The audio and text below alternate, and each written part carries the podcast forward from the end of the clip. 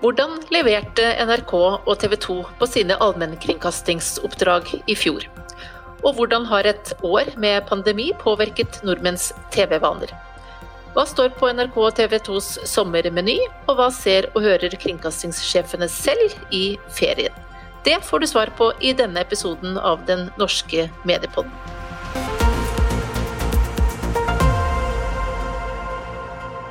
Velkommen til Mediepodden, NRK-sjef Tor Gjermund Eriksen og TV 2-sjef Olav Sandnes. Tusen takk. Vi snakket jo sammen omtrent på denne tiden i fjor, etter tre måneder ca. med pandemi. Nå er det jo gått over et år, og dette året har jo på alle måter og stort sett hele tiden vært preget av korona. Og hvis dere ser tilbake igjen da på tiden som har gått fra mars i fjor, hvordan har dette året vært sett fra deres ståsted da i henholdsvis NRK og TV 2? Hvis jeg skulle, skulle starte litt, så er det for det første var helt utenkelig for et år siden å tenke seg at vi skulle gå inn i koronasommer nummer to i rekken. Altså, eh, det hadde vel da akkurat for ett år siden gått opp for oss at det ville bli ganske langvarig. Men eh, vi hadde en situasjon som var litt under kontroll, syns vi, for fjor sommer. Og tenke seg at situasjonen skulle bli så krevende rent sånn pandemimessig utover høsten og vinteren som den har blitt, det tror jeg ikke vi forestilte oss. Men utover det så tenker jeg at de trendene vi så da Nå husker jeg ikke liksom i detalj hva vi snakket om, men jeg er ganske sikker på hva vi snakket om. Eh, så de trendene eh, tror jeg vi kan si har forsterket oss. Én er eh, publikum i Norge har sluttet opp om norske medier. Norske medier har ekstremt høy tillit og har klart seg veldig godt med veldig få unntak. Altså, norske redaktørstyrte medier har eh, klart å møte publikums eh, behov i dette spesielle året. Det andre er jo at digitaliseringen, den globale konkurransen, eh, transformasjon mot nye eh, plattformer og sånn, har skutt fart. Pandemien har ikke vært et tråkk på bremsen, men et ytterligere tråkk på gassen. Olav? Ja, jeg, jeg eh, istemmer det. Eh, det, er, eh, det, har vært en Det er klart at da, da, vi snakket sammen på samme tid i fjor, så tror jeg også at jeg hadde fortsatt betydelig mer usikkerhet på hvordan dette kom til for vår del å slå ut på vår evne til å finansiere journalistikken og de programmene og de ambisjonene vi har. Eh, da sto vi fortsatt midt i en enorm nedgang. Eh, annonsørene hadde trykket på den store røde stopp-knappen. Eh, men det kom seg jo utover høsten. Og jeg tror også den, den usikkerheten Du vet, usikkerhet det er det annonsører liker minst. Den usikkerheten, selv om pandemien fortsatte, så visste vi noe mer om hva det var vi hadde med å gjøre. Og det gjorde at vi også klarte å snu oss rundt der. Så så det var kanskje noe som traff, traff oss litt annerledes enn NRK, men, som, men, ellers så deler jeg 100% det tror jeg hun sier. Det er, det er, jo ett trekk som sant, den usikkerheten Olav beskriver der, som, som vi alle eh, Som de kommersielle mediene levde i rent sånn kommersielt. Det var jo stor usikkerhet. Heldigvis har jo bildet vist seg at de fleste har klart seg godt. Veldig viktig. Eh, til og med så har kanskje betalingsviljen gått litt opp. Og vi var jo usikre på om det i det hele tatt, og det gjelder jo både TV 2 og oss, om det i det hele tatt var mulig å gjennomføre produksjoner, altså dramaserier. For voksne og for barn og unge. Og tenk hvis vi hadde gått inn i 2021 eh, med, uten godt norsk innhold, som eh, på en måte reflekterer den virkeligheten norske barn og unge lever i, og bare måtte ta til takke med det internasjonale. Det hadde vært ganske alvorlig, men heldigvis da, så har vi tross uh, utfordringer, så har produksjonsselskapene, altså produksjonsbransjen i Norge, eh, TV 2, NRK og andre klart å gjennomføre veldig mange produksjoner. Rett etter eh, utbruddet og nedstengningen i fjor så vi jo en endring i folks medievaner, i den forstand at de brukte de redaktørstyrte mediene enda mer enn før, og ikke minst eh, strømmet nordmenn til eh, fjernsynskanalene. Nå har det jo da gått over ett år, og ser dere fortsatt den samme tendensen, eller har folks nyhetsinteresse dabbet litt av? jeg kan svare litt på det. Altså, det er ganske overraskende. For jeg, hvis vi ser på, tilbake på 2021, så var jo det, nei, 2020 så var jo det et ekstraordinært nyhetsår. Vi hadde pandemien som gikk gjennom eh, nesten hele året, fra, fra begynnelsen av mars av. Og så hadde vi jo dette spektakulære presidentvalget i USA som, som dro også eh, ytterligere opp eh, nyhetsinteressen. Um, og det vi ser, det er at vi nesten har etablert oss på et høyere nivå enn det vi lå på tidligere. At uh, det har endret medievaner. Og gjennom 2021 nå, for å bruke nyhetskanalen da, som, en, som, en, indikator, så har vi eh, fortsatt å, å, ha relativt høy seing, til tross for at kanskje nyhetsbildet etter uh, i hvert fall etter januar, hvor vi hadde hva var det, Gjerdrum var akkurat ved årsskiftet, og, og så var det stormingen av Capitol Hill. Men etter det så har jo nyhetsbildet vært noe mer normalisert, men likevel så har vi altså hatt relativt høy, høy oppslutning rundt, uh, rundt nyhetskanalen og, og tv2.no. Så jeg, vil si at det, det, har, det har, økt interessen uh, for nyhetsmedier, og det tror jeg gjelder generelt også. er det, det din opplevelse også, Tor Emil? Ja, absolutt. Uh, nyhetsinteressen har holdt seg på et høyt nivå, men vi Eh, måten vi på en måte uh, bruker nyhetene. Uh, endringstakten der går like fort, og kanskje enda fortere enn før. Og så hadde vi Det er litt interessant å, å tenke tilbake på nå. For det var noen som i fjor vår sa at ja, der kan du se lineær TV og radio går ikke så mye ned. Eh, for det bremsa litt. og Det hadde jo selvsagt sammenheng med at alle var hjemme. og Jeg tror jeg sa den gangen at dette er høyst midlertidig og underliggende. så, så handlet, Det gjorde du, ja. ja, ja. Det handla f.eks. om at folk hadde på TV-en i stua fordi de var hjemme og brukte TV-en som radio. Eh, og sånn, og jeg var helt sikker på at når vi la 2020 bak oss så, eh, og så bak tallene, så ville det være en kraftig nedgang. Og det var jo bare gruppa over ja, 60-65 år som hadde holdt lineær-TV-konsumet gått, gått, litt opp, mens de andre hadde gått ned. Og nå er vi i samme takt igjen. Så, så det var en midlertidig effekt av at folk var støkt eh, hjemme i stua. Men det er jo, det, ja. Mari, det er jo fortsatt, Mari, altså jeg, jeg så den undersøkelsen deres fra var det i januar, eh, som viser at altså, fortsatt er det altså klart flest nordmenn som har TV som sin viktigste nyhetskilde. Eh, og det tror, jeg, det tror jeg må være både lineær-TV og eh, streaming, vel å merke. Men, men, det viser jo at eh, de to aktørene som driver med nyheter på TV i Norge, de er eh, en viktig nyhetskilde for veldig, veldig mange aktører, også i 2021. Eh, og det tenker jeg er også et Eh, det, bare, har bare egentlig forsterket eh, tror jeg, bevisstheten vår rundt vårt samfunnsoppdrag. Jeg tror også at uh, kanskje de aktørene som valgte å fokusere på andre innholdssegmenter som uh, underholdning og sport alene og droppet nyhetsoppdraget, de merket nok et enda større nedgang i den perioden her enn det, enn det vi, uh, disse to aktørene her gjorde.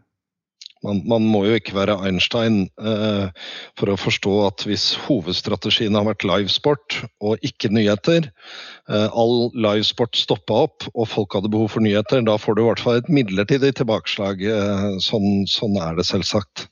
Så må jo du og jeg si at livesport er også viktig, da, for akkurat nå så deler vi et fotball-EM. Så, så, så, det er og, og, og en liten Jeg har vært skikkelig fortvila over det, altså. Det ble ikke ett et skirenn, worldcup-skirenn på norsk jord i fjor. Nei. Husk det. Og, og, midt under pandemien i fjor, da alt stoppet opp Så det her er jo litt morsomt, da, men da, da denne gjengen i Sporten i TV 2 de slet jo med å finne ut av hva gjør vi nå så fant de altså det ene stedet i Europa hvor det fortsatt ble spilt fotball på øverste nivå, nemlig Færøyene. Og der sendte vi da kamper fra den færøyske ligaen, og oppslutningen var veldig stor. Og det ble til og med etablert fanklubber for færøyske fotballklubber i Norge. Så jeg tenker kreativiteten lenger leve, det er, det er eh, absolutt gjeldende også under en pandemi.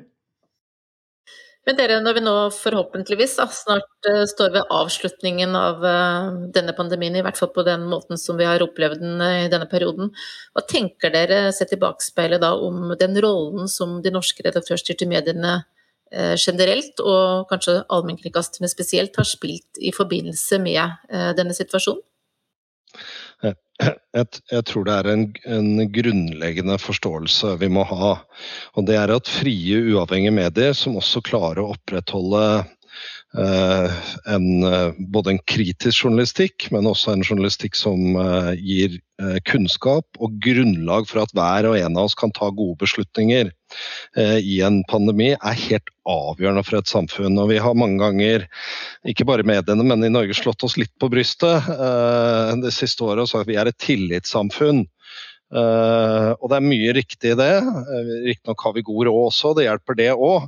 Men, uh, men, det med tillit det bygger man ikke ved å ha én eh, beskjed, man bygger det ikke med manglende kritisk debatt, men det at vi har, har turt å opprettholde det sånn at folk ikke følger myndighetenes anvisninger på smitteverntiltak fordi myndighetene sier det, men fordi den kombinasjonen sammen med journalistikk gjør at de selv tar den beslutningen at dette er jo riktig å følge.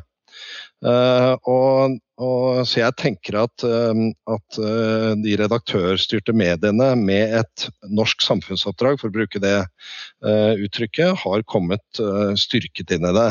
Så må vi aldri ta den feilslutningen at den på en måte kampen eller posisjonen er vunnet en gang for alle. Det må vi rettferdiggjøre hver eneste dag, også etter pandemien. Men akkurat nå så så har de norske redaktørstyrte mediene et enda bedre utgangspunkt enn vi faktisk hadde før pandemien for å gjøre dette oppdraget, tror jeg. Men er det noe dere ville gjort annerledes hvis dere kunne gjøre det om igjen? Um, har, det, har, dere vært kritiske nok f.eks. I, i dekningen av pandemien? Jeg tror at, eh, jeg tror at eh, det har vært eh, absolutt stilt spørsmål underveis rundt de beslutningene som er tatt av myndighetene. og Hadde vi ikke gjort det, men bare stilt opp som et mikrofonstativ, så, så hadde vi ikke gjort jobben vår. Og, og det er som Trøven er innom også, altså det, er, jo en kjent sak at det blir tatt bedre beslutninger hvis man vet at det er transparens, og hvis man vet hvis beslutningene vil bli stilt spørsmålstegn ved. Så, så jeg tror at den, den, delen tror jeg vi har levert godt på. Jeg er også glad for at vi holdt hodet kaldt helt innledningsvis, akkurat da dette traff oss, med så stor usikkerhet. Det var klart at det var, ble jo gjort vurderinger rundt uh, permitteringer, rundt uh, hvordan skal vi nå agere. Og det at vi holdt hodet kaldt, det er kanskje fordi vi har vært gjennom noen andre kriser tidligere, som finanskriser og dotcom-kriser, som, som, er selvfølgelig helt annerledes i natur, men som gjør at vi, vi, vi også vet den tyngdekraften utviklingen i samfunnet har og den, den tyngdekraften mot en eller annen form for en, et, en, en normalsituasjon. Og det tror jeg var Det er jeg glad for at vi gjorde. Så, så tror jeg at eh, et viktig område som vi kanskje kunne belyst enda mer, det er jo eh, av smittevernhensyn så det også, blir også en del transparens utfordret.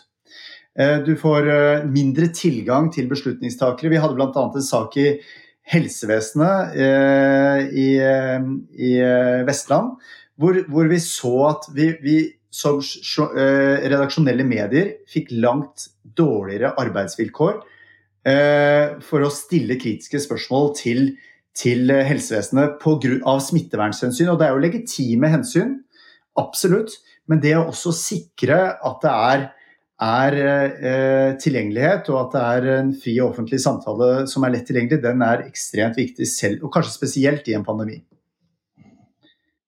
Tor Gjermund? Uh, ja, ikke sant, Spørsmålet om kunne du gjort noe annerledes kan jo aldri besvares med noe annet enn ja. Selvsagt uh, kunne vi gjort mye annerledes også i Norge. Vi kunne vært forberedt bedre på pandemien. Men, men uh, i hovedsak så tror jeg at mediebransjen nesten var bedre rusta for en så enormt rask og fundamental endring som, som pandemien eh, skapte. Eh, og det er rett og slett fordi at vi har vært igjennom så enormt store endringer de siste ja, hvert fall ti årene, fem-ti årene. Eh, vi har møtt på ting hvert eneste år som vi ikke kunne forutse. Hvem, hvem visste at Netflix skulle komme i 2012? ikke sant?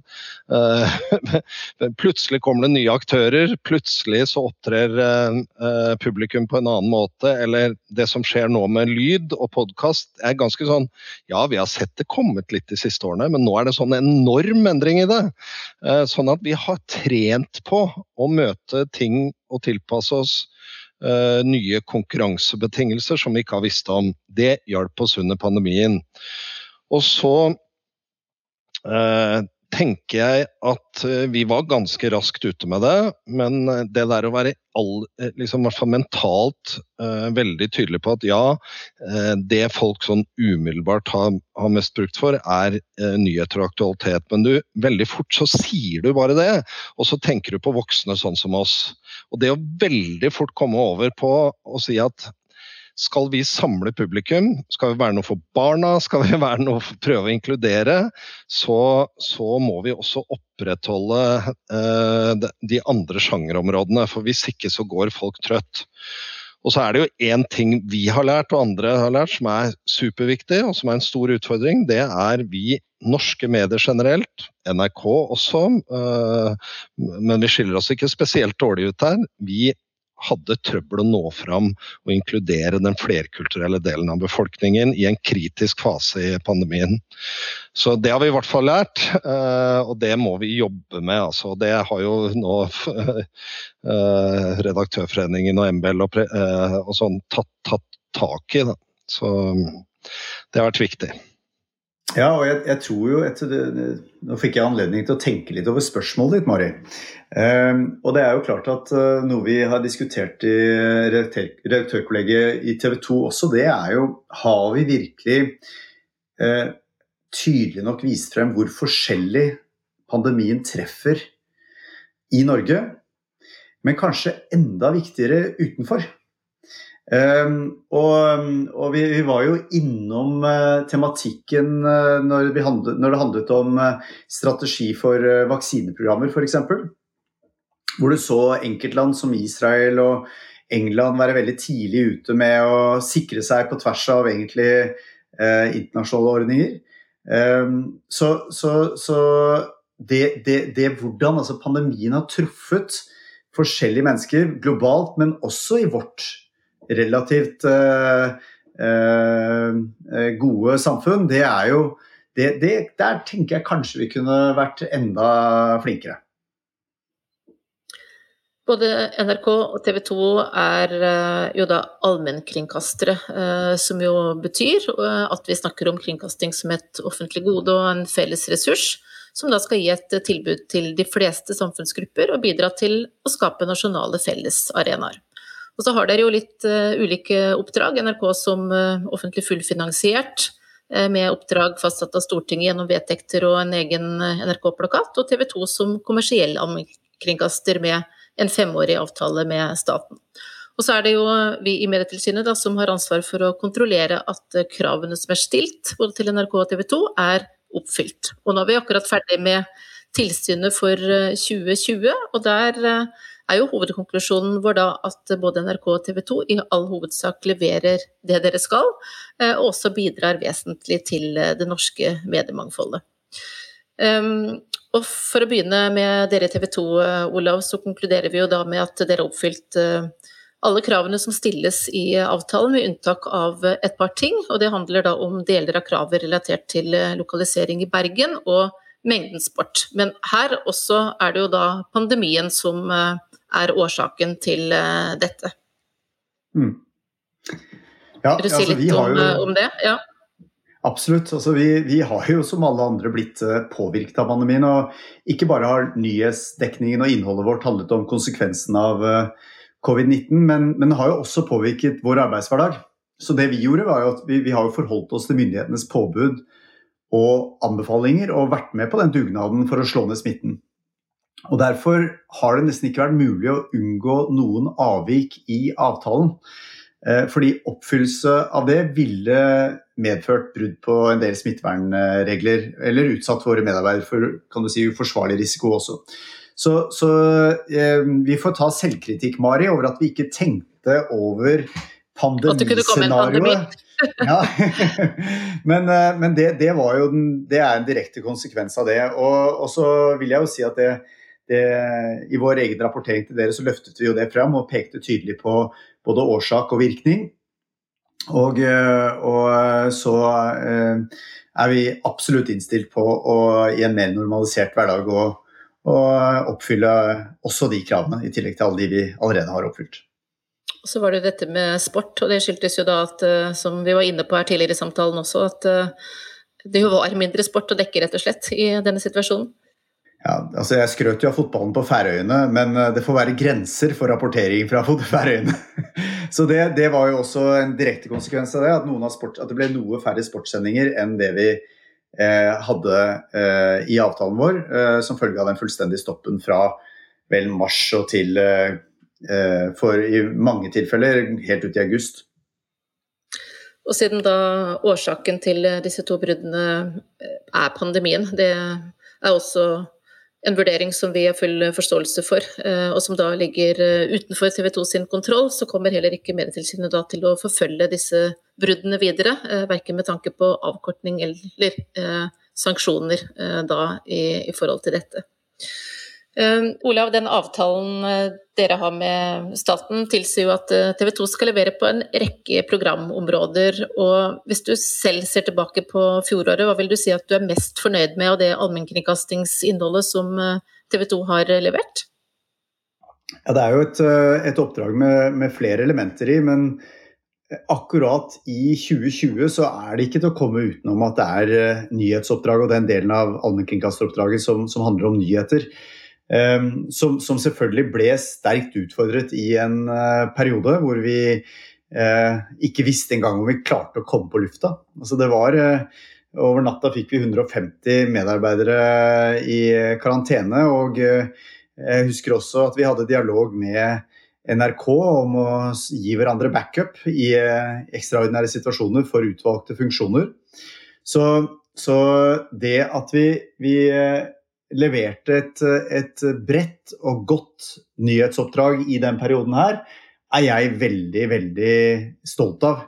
Um, og eh, det kom ikke av seg selv. Det, det, er jo rart med det, men det er jo, det er jo nettopp i sånne situasjoner at, eh, at uh, våre medarbeidere, uh, og egentlig alle som har et hjerte for nyhetsoppdraget, virkelig stepper opp og gjør mye mer enn det man kanskje normalt kan forvente i en eh, arbeidsgiver- og arbeidstakersituasjon. Fordi vi hadde i nettopp denne situasjonen her en helt spesiell funksjon i samfunnet. Sikre punkt én at informasjon eh, og kvalitetssikret informasjon eh, ble formidlet, men også stille spørsmålstegn til beslutningstakere. Og, og gjennom den pandemien så var det noe av det jeg er aller aller mest glad i for dette spesielle 2020-året. Eh, og så var vi jo selvfølgelig har vi levert på andre områder også, som drama og mot eh, yngre og eh, programmer retta mot religion. Men, men, men i, for 2020 så er det dette jeg er aller mest opptatt av å løfte fram. Tor Gjermund Eriksen, hva vil du eh, trekke fram på vegne av NRK? Eh, nei, men det er jo, det er jo denne hovedvurderingen som Medietilsynet har gjort, som gleder meg eh, og oss aller mest. Og det er jo rett og slett eh, Jeg tror det står en formulering der som noe sånt som at man har oppfylt oppdraget, og, og at NRK har ser ut til å ha klart å imøtekomme publikums behov i denne spesielle perioden. Så det er jo jeg må kunne tillate meg å si akkurat eh, når det gjelder dette, at eh, det er vel en karakter på seks minus eller noe sånt. Og hvis alle oppdrag, alle offentlige institusjoner hadde levert på oppdraget så godt, så hadde det, hadde det vært veldig bra. Så vi er jo stolte av det. Og så er det jo selvsagt sånn at vi har fått, fått en påpekning av at vi ikke har oppfylt nynorskkvoten på 25 Eh, det syns jeg er skikkelig ergerlig. Eh, ja, i, i år igjen, må vi nesten si der. For det er alle kravene oppfylt bortsett fra dette. Men så, ja. men så, er det jo ikke sånn, ikke sant. Fordi at man kan si at det kravet er ikke oppfylt, men det er jo ikke sånn at et krav om prosentkrav på nynorsk er liksom uh, enten-eller. Det er jo ikke binært. Vi har 24 da, eller noe sånt. Så, så, det, så det, burde vi vært oppe, og det tror jeg vi hadde klart. Hadde det ikke vært for pandemien, det også. For det er klart, når vi planlegger innhold for et år, så tar vi hensyn til disse tingene. Når vi kommer da til mars og alt innhold, eh, masse innhold forsvinner, og vi må liksom doble eller tredoble eller sånn nyhetsvolumet, så er det ikke nynorskprosenten vi tenkte nok på i den situasjonen. Så vi kom litt på hæla da, men den burde vært oppfylt. Og vi ligger bra an i år, da. Heldigvis. Så skal du våge deg ut på planken der og, og love at år året i år blir uh, året da målet nås, eller hva vil Nei, du si? Ja, altså vi kommer, Jeg tror vi kommer til å klare 25% men vi kommer ikke til å være 25% på alle, eh, alle plattformene. Og som, som uh, uh, du vet, Mari, så har særlig NRK.no hengt etter. Og det må være et mål å få den opp nærmere de andre. Så vi opplever vel ikke at vi har helt nådd målet før vi har alle de plattformene oppe. Ja. Og der burde det vel kanskje være enda enklere også på, på nett enn på radio og TV, tenker jeg. Fordi om ikke du snakker nynorsk, så kan du jo skrive, skrive nynorsk, så det er flere man kan bruke uh, for å få det til. Ja, det er både enklere og ikke. for eh, på, på, radio for eksempel, og TV så har vi mye dialekt, og det, det teller jo i begge kvotene. Mens, mens eh, skrift, på nrk.no er det mer skriftlig, og da er det enten bokmål eller nynorsk. Eh, så vi prøver å opp, oppmuntre folk eh, som kan eh, skrive nynorsk, til å gjøre det i større grad. Så, Eller at flere kanskje må lære seg å skrive nynorsk? Ja, men jeg vet ikke om det er riktig å si at det blir enklere. For det kan høres ut som en unnskyldning, og jeg mener det ikke sånn. Men vi får jo stadig færre journaliststudenter som bruker nynorsk. Det er færre elever i, i, i skolen som har nynorsk som hovedmål. Og det gjør at vi må gjøre mer, da for å, for å få folk til å De som kan det. Og det er, det er jo ikke en umulig oppgave å skrive nynorsk. Da ser vi fram til eh, neste års rapport på resultatene når det gjelder nynorsk.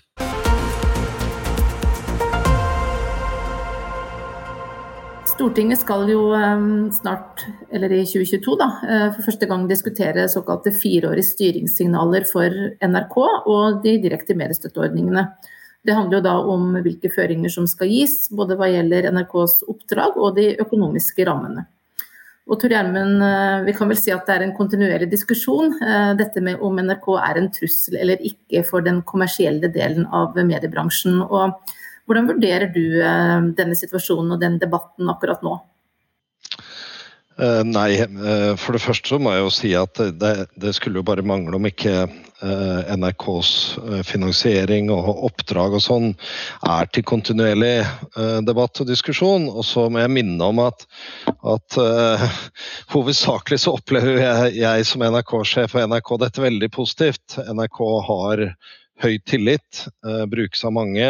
Uh, og uh, hovedstemningen er jo at det er viktig for et lite land som Norge å holde seg med en allmennkringkaster som NRK. Og så er det jo riktig som du sier at det har vært en del diskusjon, særlig fra de andre deler av de andre kommersielle mediene, om grenser for NRK. Um, vi, vi, opplevde jo en relativt uh, tøff debatt for en fem, seks, syv år siden. Uh, så tror jeg at det er grunn, noen grunner til at denne gangen så blir det nok en noe roligere debatt. og Hovedsakelig det er tre forhold etter min mening som gjør at, uh, at vi, er, vi, er, ikke så uenige i bransjen lenger. Det ene er at, at Eh, resultatene i den kommersielle delen av mediebransjen har utviklet seg eh, veldig mye bedre enn en del spådde for fem-seks år siden. Eh, det har selvsagt ikke kommet av seg selv, det er fordi eh, eh TV 2 og Skipsted og andre har gjort en veldig god jobb. Og vi ser at lokalavisene lokalavisen til A-media f.eks. har veldig gode resultater. Det er det ene. Det andre er at globale, de globale aktørene har, selv om de norske mediene har klart seg godt i pandemien, tatt en større, større andel av medie, eh, mediebruken. Og det betyr at svekkede norske medier, eller hvis, hvis f.eks. NRK mister eh, markedsandeler og mister bruk, så er det jo slett ingen garanti for at det er at det vil styrke andre norske medier, men kanskje bare overfører enda mer av mediebruken til de globale aktørene. Så dette er i hvert fall, Og det, og det siste er at jeg håper i hvert fall at uh, det oppfattes at NRK er viktig for bransjen. Vi setter ut masse oppdrag for, uh, i produksjonsbransjen, dramaserier og andre ting. Og at vi ønsker også å praktisere liksom, samarbeid der det er nyttig da, for både for aktørene og for publikum, og større grad av, av åpenhet. Og så En liten kuriosa som jeg har lyst til å fortelle om, det er jo at den perioden vi har vært nå, har bare vært tre år. Men det ble jo vedtatt egentlig i Stortinget at det skulle være fireårsperioder.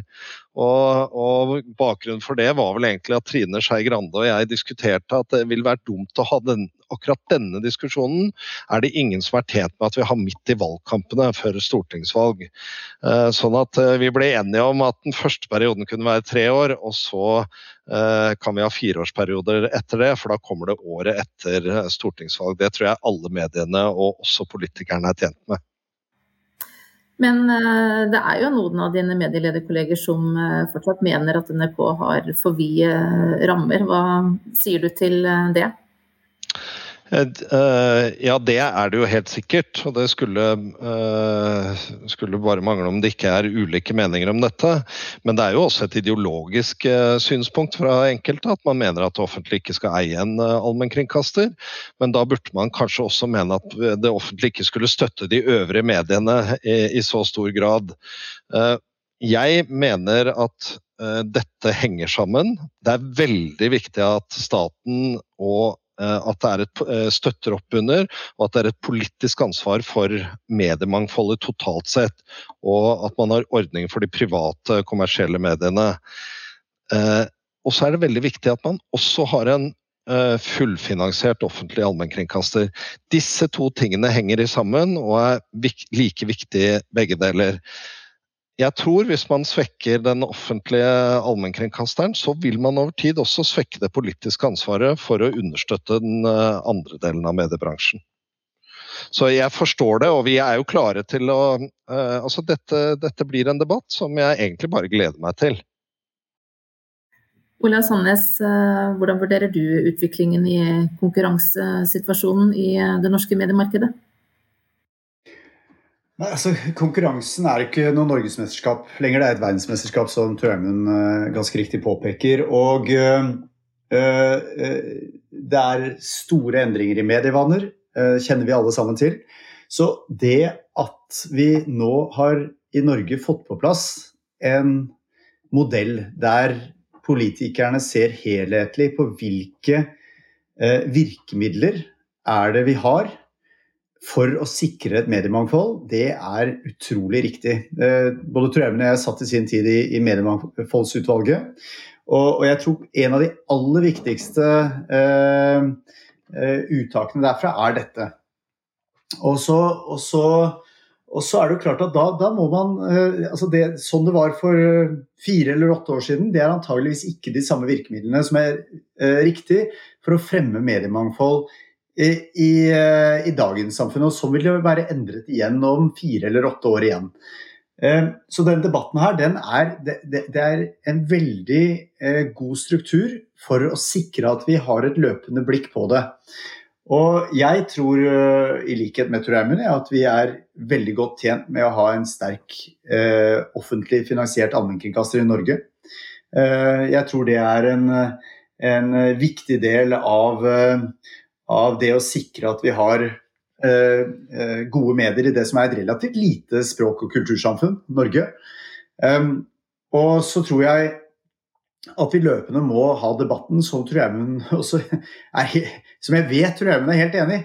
Eh, totalt sett, hvordan bruker vi eh, virkemidlene som, som staten disponerer? Eh, og vektingen av de. og det, det, vil være gjenstand for debatt hele tiden. og og, og, på samme måte som eh, debatten kommer til å handle om NRK, så vil det også handle om kommersiell allmennkringkasting, og det vil handle om eh, pressestøtte og andre elementer. Og det, jeg, jeg, gleder meg til den eh, diskusjonen, og jeg tror også, som Trømmen sier, at, at den de, de, Kanskje de veldig harde frontene som var for noen år siden, de er ikke der. Det handler jo veldig mye også om at man har fått mer sving på abonnementsvirksomheten ved å utvide produktopplevelsen til, til abonnentene. Og, og, at reklamefallet ikke har vært like stort som det var tidligere. Men, eh, men, tidligere har vi jo diskutert at spesielt kanskje regionsaviser som Bergens Tidende, Stavanger Aftenblad, eh, Nordlys osv. De var, det var, det var, de var tøft rammet, og man så det på produktene også. Til tross for fantastisk innsats eh, fra redaksjonene. Så Det var kanskje min største bekymring for noen år siden. og Der var det ikke på en måte et Facebook eller noen globale aktører som måtte tar over denne eh, leirbålfunksjonen. Eh, eller den funksjonen som handler om å se lokale eh, myndigheter i kortene. Eh, og da har vi et, et, et mer kan du si, grunnleggende problem. Nå ser det ut til at utviklingen har i hvert fall ikke forverret seg.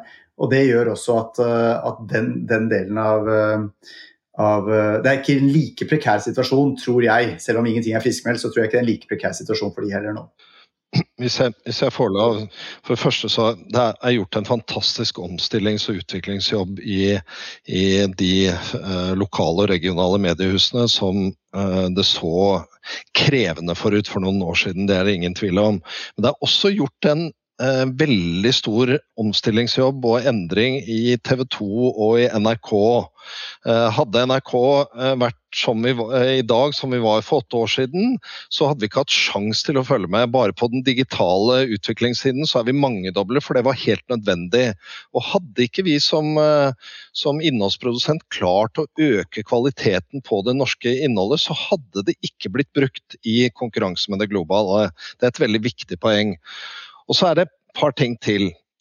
Der jeg tror vi er veldig enige om, og det påpeker Medietilsynet flere ganger i året, at vi har et stort mediemangfold i Norge. Og Der er det jo tre perspektiver, men bare for å ta det ene. Vi har et stort brukermangfold. Folk bruker ulike medier. Det er bra. Sånn sett så tror jeg vi kan fort bli enige om at den norske mediepolitikken har vært ganske vellykka. For vi er et av verdens minste land, og vi har et av verdens største eller mest mangfoldige mediemarkeder, så det er bra. Og så tenker jeg at, at det er veldig viktig å huske på at uh, en, et politikkområde som handler om medier, det er nært liksom, eh, samfunnsansvaret. Det er noe som gjelder oss alle. Det handler om demokratiet. Det er utrolig viktig at mediepolitikken er bredt forankra politisk. Eh, så ikke høyresida har sine kjepphester og venstresida har sine, men at man er enige om en totalitet. Hvis ikke så får vi politiserer vi mediepolitikken i enda større grad. Og vi vil få et eh, brå skifte og en ustabilitet hver gang det har vært et regjeringsskifte. Det er ingen av oss tjent med. De siste åtte årene er faktisk et eksempel på at vi har vært i en periode der de vedtakene i Stortinget har aldri vært, blitt gjort med et større eh, grad av enstemmighet, og det er bra. Og så håper jeg at vi får en, en eh, debatt framover som er faktabasert, og ikke, ikke synsebasert. Olav det kommer jo etter hvert også en diskusjon om uh, avtalen om kommersiell allmennkringkasting. Du var litt inne på det. Um, om den skal videreføres eller fornyes. Hva er dine tanker om det? Jeg tror at eh, det er fortsatt viktig med eh, flere nyhets- eh, og eller med flere allmennkringkastere i det norske samfunnet. Det, vi, snakket, vi snakket i sted om at jeg tror det er 65% som oppgir TV som sin viktige ny, nyhetskilde. Og, og, det da å sikre at det er flere norske nyhetsaktører og allmennkringkastere på TV, det er helt avgjørende. Eh, og for oss har det vært eh, allmennkringkasteroppdraget har vært eh, og er en del av vårt DNA. Det har vært helt sentralt for, for opprettelsen av TV 2, og den dag i dag så er det, det er viktig. Og avtalen gir oss et, et, grunnlag for å satse videre på nyhetsoperasjonen vår med, med base utenfor Bergen. Og, og, det er jo viktig å minne om det også. Vi er altså det eneste riksmediet som har hovedkontor utenfor Oslo så, så eh, tror jeg at eh, hvis vi får, eh, får igjen en, en, avtale, så er vi i hvert fall beredt på å, å sørge for å levere på den også i, i årene som kommer.